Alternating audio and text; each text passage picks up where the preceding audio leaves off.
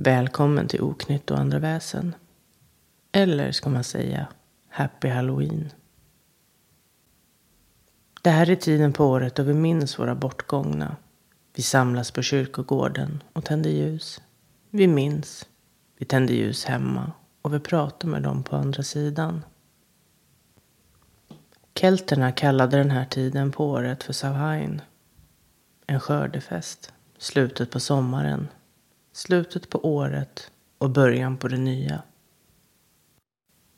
Men det är även nu som slöjan mellan världarna är som tunnast. Förr ansåg man att under Sauhain, den 31 oktober till den 1 november att de döda kunde komma tillbaka och gå ibland oss igen. Man tände stora eldar, stora bål för att vägleda dem som under den här högtiden återvände. Men även för att skydda oss levande för de onda andarna. Men man bör ha i åtanke att under skördefesten kan vad som helst ta sig igenom. Barriären är inte lika stark som den brukar vara. Under Sauvain var mat och eld mycket viktigt. Och eldarna var inte bara för vägledning och beskydd. Man kastade även in offergåvor. Som benen efter nyligen slaktade djur. Man kastade in gåvor till olika naturväsen i eldarna. Och man släckte hemmets härdar för att sedan tända dem igen med elden från bålet. Och med tanke på alla offergåvor som man kastade in i bålet så bildades det ett skydd som man sedan tog med sig hem till sin egen härd. När bålet hade brunnit ut så spred man askan över de nyligen skördade åkrarna. På det här sättet skulle kommande år ge god skörd. Och vissa säger att slöjan mellan världarna inte bara är som tunnast just nu. Utan den är även helt borta nu när oktober går över till november. Att de döda kan komma fritt in till våran värld. Kontakt är alltså väldigt vanligt vid den här tiden. Oavsett om du vill ha den eller inte. Den här högtiden må låta deppig och mörk. Men det är den inte. Det är ett löfte om att ljuset återvänder. Ett firande av liv och livet som våra bortgångna har levt. Faktum är att döden måste finnas för att liv ska kunna uppstå på nytt. Alla länder firar vi halloween på olika sätt och Sverige har anammat lite av det amerikanska firandet. Men halloween kom med irländska immigranter på 1800-talet in till USA. Alltså har halloween sitt ursprung i Samhain. Och vi har tidigare pratat om jack-o'-lantern, där traditionen att karva lyktor ur rovor kom ifrån och som sen blev till pumpor. Och alla filmer och alla videos man får se från USA så ser det verkligen ut som om man kliver rakt in i en magisk halloweenvärld när de firar. Jag själv som älskar den här högtiden skulle verkligen vilja åka till USA under ett sånt här firande. Tänk vilken upplevelse! Alla utsmyckningar och dekorationer på tomter och husen. Att gå ute när alla brassar runt och kör trick or treat. Vilken grej! Ja, halloween får nog folk världen över att känna många olika känslor. Saknad, sorg, lättnad, exalterad och skräck i vissa fall. Det är trots allt nu som det är perfekt tid att mysa ner sig i soffan med en riktigt ruggig skräckfilm. Och många väljer också nu att ta kontakt med bortgångna. Man håller en seans. Eller ett ojabröde. Det tycker jag personligen inte att man ska använda om man inte vet vad man gör. Eller om man har med sig ett medium. Så ha i åtanke om du beslutar dig för att köra med ett sånt bräde, halloween eller inte. Det är en portal du öppnar. Du öppnar en dörr till andra sidan. Och stänger du inte den dörren så kan vad som helst ta sig in. Och skulle du få kontakt med någonting, ha också i åtanke att bara för att det utger sig för att vara en när och kär så behöver det inte betyda att det är så. Det har varit roligt att läsa igenom alla mejl vi har fått. Vilka berättelser och historier. Så stort tack till alla där ute som skickar in till oss och berättar. Så jag tänkte köra på med de historier som kommer vara med idag. Den första berättelsen idag kommer från en anonym lyssnare. I en ödslig och dimmig skog, någonstans långt ifrån civilisationen, där löv hade fallit och trädens grenar kastade skuggor likt skelett mot den kalla marken, fanns en övergiven herrgård. Den gamla herrgården stod ensam och hade rykte om sig att vara hemsökt av någonting ondskefullt. Månen hängde lågt på himlen och kastade sitt bleka sken över området. Det var just denna natt då fem vänner, trots alla varningar, beslutade sig för att utforska herrgården på halloween. De kände sig modiga, men deras hjärtan bultade i bröstet när de närmade sig den förfallna byggnaden. Inne i herrgården var det iskallt och mörkt. Ljudet av knarrande trägolv och viskande vindar fyllde luften. Plötsligt hörde de ett illavarslande skratt som ekade genom korridorerna. En gammal man med skrämmande ansiktsdrag och vilda ögon visade sig framför dem. Hans ansikte var täckt av skräckinjagande ärr och hans kläder var slitna och blodfläckade. Hans skratt ekade igen när han närmade sig dem med ett skevt leende. Han drog fram en rostig kniv och började snurra den i handen. De fem vännerna skrek och försökte springa därifrån. Men dörrarna och fönstren kändes plötsligt som om de var igenspikade. De var fångade. Mannen fortsatte att närma sig. Nu viskade otydliga ord och skrattade maniskt. Rädslan i rummet var påtaglig. Han närmade sig den första av vännerna och höjde kniven. Och då, i en sista desperat handling, hoppade en av vännerna fram och försökte övermanna den gamle mannen. Ett kaotiskt slagsmål bröt ut. Men den gamle var stark och skoningslös. Efter en våldsam strid slet den gamle mannen huvudet av den unge man som hoppade på honom. Han släppte den huvudlösa kroppen i marken och höll kvar huvudet i håret och stod och stirrade på de andra vännerna. Han började snurra på huvudet som om han tog sats för att kasta iväg det. Några sekunder senare så landade huvudet vid de kvarvarande vännernas fötter. Vännerna grät i skräck och försökte desperat att undkomma. Den gamle mannen vände nu sin uppmärksamhet emot dem. Hans ansikte var täckt i blod så det såg ut som en blodig, grinande mask. Plötsligt hördes ljudet av sirener i fjärran och polisbilar närmade sig herrgården. Deras räddning var nära. Den gamla mannen, upptagen av sitt eget vansinne, verkade inte ens märka polisens ankomst. De lyckades gripa honom och frigöra de skräckslagna vännerna. Den här natten i den ödsliga herrgården skulle de aldrig glömma. Och ryktet om den galna mannen som bodde där skulle leva vidare som en varning om att inte utforska det okända. Särskilt inte på halloween. Tack för den. Vi hoppar direkt på nästa berättelse om en stad som heter Dunhaven. Det var en mörk och stormig halloweenkväll när det hände någonting i den lilla staden Dunhaven som skulle förändra dess öde för alltid. Invånarna hade hört om Karia, en kvinna som länge varit bortom det normala, mentalt störd och full av ondska. Hon hade bott i en förfallen stuga djupt inne i skogen, bortom de gamla ekarna som skvallrade om en lång historia av olycka. När natten föll över Dunhaven och dimman rullade in kände invånarna sig oroliga. De visste att Karia brukade komma ut på halloween för att sprida skräck i byn. Människor låste dörrar och fönster och höll sig nära sina älskade. Karia var klädd i trasiga kläder som fladdrade i den kalla vinden.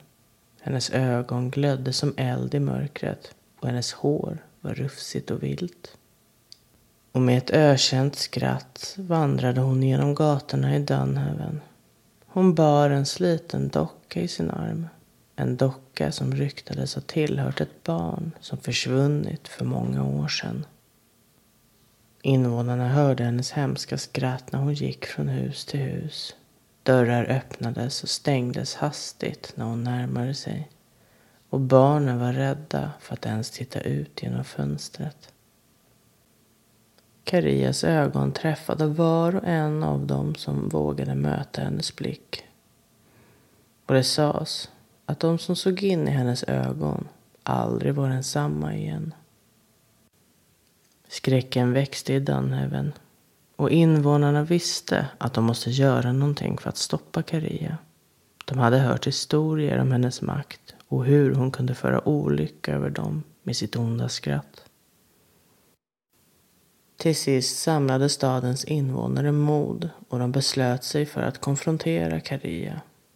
De samlades vid stugan i skogen och kunde höra hennes hemska skratt från insidan.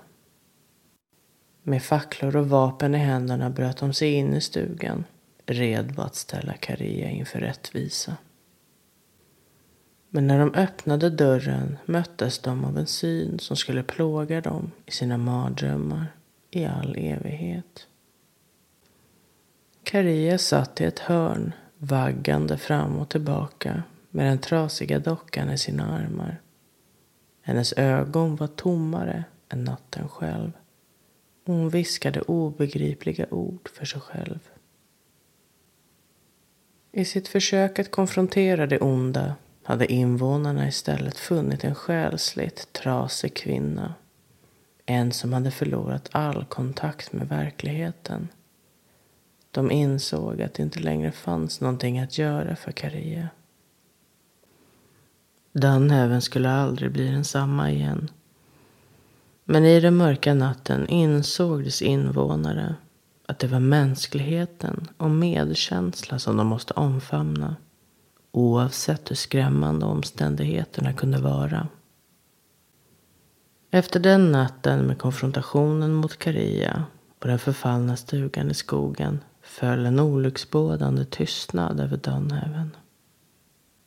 Invånarna kunde inte släppa den märkliga synen av Karia och hennes trasiga docka ur sina sinnen. Staden kändes mer ödslig och förlamad än någonsin tidigare.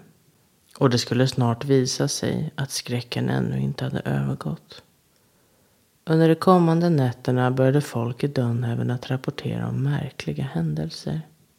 Dörrar öppnades av sig själva Föremål försvann spårlöst och olyckor inträffade helt utan förvarning. Det var som om Karias ondska hade smittat av sig på staden. Invånarna försökte förneka det. Men det var svårt att ignorera det oförklarliga som hände runt omkring dem. De visste att de var tvungna att göra någonting. Men ingen vågade säga Karias namn högt.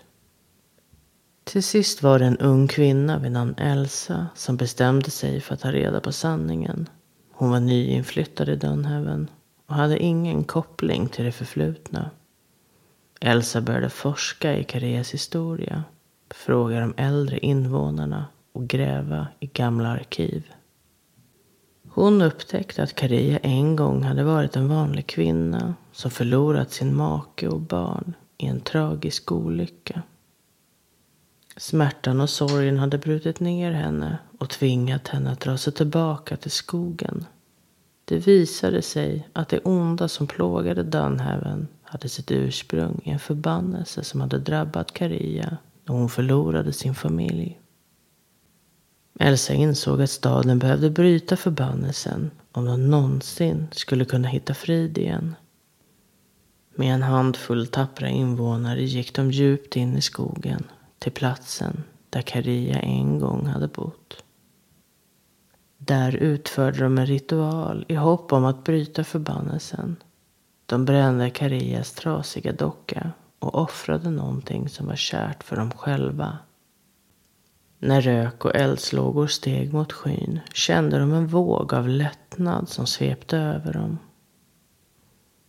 Dunhaven skulle aldrig glömma de skrämmande händelserna som hade inträffat. Men nu kunde de äntligen börja läka. Skräcken som en gång hade skuggat deras liv skulle sakta förlora sin makt. Och även om Karia hade varit en mörk skugga över staden var det tack vare Elsas mod och medkänsla som invånarna i Dunhaven kunde börja återfinna sin inre frid och hopp om en ljusare framtid. Tack för den. Den sista berättelsen idag kommer från Anna. Hon skriver att hon vill berätta om sin farmor och att det kanske finns någonting mer där ute trots allt. Anna har döpt sin berättelse till Farmors kamp. Mina föräldrar reste alltid mycket. I jobbet och privat. Ibland har jag undrat varför de ville ha barn. Ni förstår. Jag fick aldrig följa med. Inte ens på en semester. När mamma och pappa var borta så bodde jag hos farmor. Om jag fick göra en gissning så är jag övertygad om att jag spenderade 98 procent hos min farmor under min uppväxt. Hon tog platsen som mamma och pappa skulle ha haft. Farmor hjälpte mig med mina läxor. Hon stöttade mig när jag var ledsen och hade problem. Hon skällde på mig när jag hade gjort någonting dumt. Jag älskade min farmor så otroligt mycket. Hon var min trygghet, min säkra hamn. Alla högtider vi firade, firade vi tillsammans. Det kom till den punkten att jag slutade att bli ledsen över mina föräldrars beslut att utesluta mig. Jag insåg att jag var lyckligare när jag inte tänkte på det. Så när jag fyllde 18 så bröt jag helt med dem. Jag ringde till och med upp dem på min födelsedag och förklarade. Jag berättade att jag inte längre ville ha dem i mitt liv. Att de orsakat mig mer skada än nytta. Jag förklarade att föräldrar ska älska sina barn. De ska vilja vara där för alla ögonblicken, semestrarna och högtider. Jag förklarade att nu när jag är myndig så finns det inte längre en anledning till att låtsas. De får leva sitt liv och jag lever mitt. Vi behöver inte störa varandra längre. Mammas respons på det här var förvåning över att jag fyllde år. Farmor var alltid arg på mina föräldrar över deras beteende. Men hon sa aldrig någonting till mig. Men ibland hörde jag henne prata med pappa över telefon. Hon sa att hon skämdes över honom. Att det inte var så här hon hade uppfostrat sin son. Och ibland hörde jag henne tala med sina vänner och berätta hur ledsen hon var för min skull. Jag tror inte att hon förstod att jag inte var så ledsen. Inte egentligen. Jag hade ju henne. Hon var den bästa föräldern jag kunde önska mig. Så när hon blev sjuk så gick hela min värld under. Fan vad jag hatar cancer. Hon kämpade länge och med allt hon hade. Jag tog ut all ledig tid jag hade på jobbet för att kunna vara med henne. Jag jobbade från sjukhuset mellan behandlingarna och när hon sov. Jag tillbringade all min vakna tid med henne. Hon protesterade. En sån vacker tösabit som du borde gå ut och hitta någon att älska. Inte sitta här med en skröplig kärring och slösa tid, brukar hon säga. Och jag svarade alltid samma sak. Tid, det har jag. Och du är min skröpliga kärring. Då log vi alltid mot varandra. Det fanns en tyst överenskommelse mellan oss. Hon fanns där för mig när jag växte upp och jag finns där för henne när hon är sjuk. Det var ett långt år och till slut orkade hennes kropp inte längre. Jag kommer aldrig att glömma dagen då hon dog. Det var sent på kvällen. Nattpersonalen på avdelningen hade precis kommit förbi på första ronden och sagt hej. Kollat till farmor och sa åt oss att larma om vi behövde någonting. Farmor låg och kollade runt i rummet och jag läste en bok. Jag vet inte om det var inbildning, men någonting förändrades i rummet. Luften kändes annorlunda och känslan var konstig. Farmor började prata. Du ska inte vara här. Jag kollade runt i rummet. Det fanns ingen annan där. Bara jag och farmor. Hon hade fäst blicken vid ett hörn i rummet. Och eftersom belysningen var dämpad så var det ett dunkel som vilade i hörnen där en ensam läslampa inte nådde. Jag vet att min tid snart är ute och att det är dags att gå. Men jag vet också att du inte är den som ska hämta mig. Nu är jag trött på att du smyger omkring här inne. Du är inte välkommen här och du hör inte hemma här. Ge dig av. Farmor säger det med kraft i rösten. En kraft som förvånade mig. Hon hade inte haft så mycket kraft i rösten på länge. Jag sträcker mig mot farmor och tar hennes hand. Vad är det som händer? Vad ser du farmor? Hon släpper inte det dunkla hörnet med blicken. En parasit är här. En parasit som lever på vilsna själar. Men jag är inte vilsen parasit. Min själ får du inte. Och än är jag inte död. Jag känner hur det snörde ihop sig i halsen och det börjar bränna bakom ögonlocken. Jag hade aldrig hört henne prata så där och det skrämde mig. Ska jag ringa på personalen? Kan jag göra någonting? Farmor tar ett förvånansvärt fast grepp om min hand, tittar på mig och säger Nej, hjärtat. Personalen kan inte hjälpa mig. Jag är tacksam att du finns här hos mig. Jag kommer inte att låta den ta min själ. Jag hoppas att jag är stark nog fortfarande. Det känns som flera timmar i tystnad. Farmors blick är som fastklistrad i hörnet och ibland mumlar hon någonting ohörbart. Jag kan svära på att jag ibland hörde morrande från hörnet och ibland såg jag hur det rörde sig i ögonvrån. Jag vet inte vad det var, men jag vet att farmor utkämpade en strid om sin själ den natten hon dog. Och till slut så börjar jag känna en värme som kommer smygandes in i rummet. En värme som omsluter oss. Jag ser att farmor börjar le. Ett leende som är hjärtligt, men så trött. Gustav, min Gustav. Du lät mig vänta länge. Du var aldrig vidare bra på att passa tider. Gustav, tänkte jag. Farfar. Han gick bort i en olycka strax innan min första födelsedag. Farmor sa alltid att jag hjälpte henne genom sorgen. Att mina föräldrars neglekt och tomrummet efter Gustav gjorde att hon kände att hon hade ett syfte. Hon ville gottgöra min pappas behandling av mig. Farmor vände sig mot mig och kramar min hand. Min själ är bara min nu. Gustav är här och det är dags att jag går hem. Med tårar som rinner ner för mina kinder talar jag om för farmor att jag älskar henne och att jag uppskattar allt som hon har gjort för mig. Jag försäkrar henne om att det är okej att släppa taget och att följa med Gustav. Jag kramar om henne och hon klappar mig på kinden. När det är dags för dig, tösen min, när du är en gammal kvinna, så kommer jag och hämtar dig, så som min Gustav gör för mig.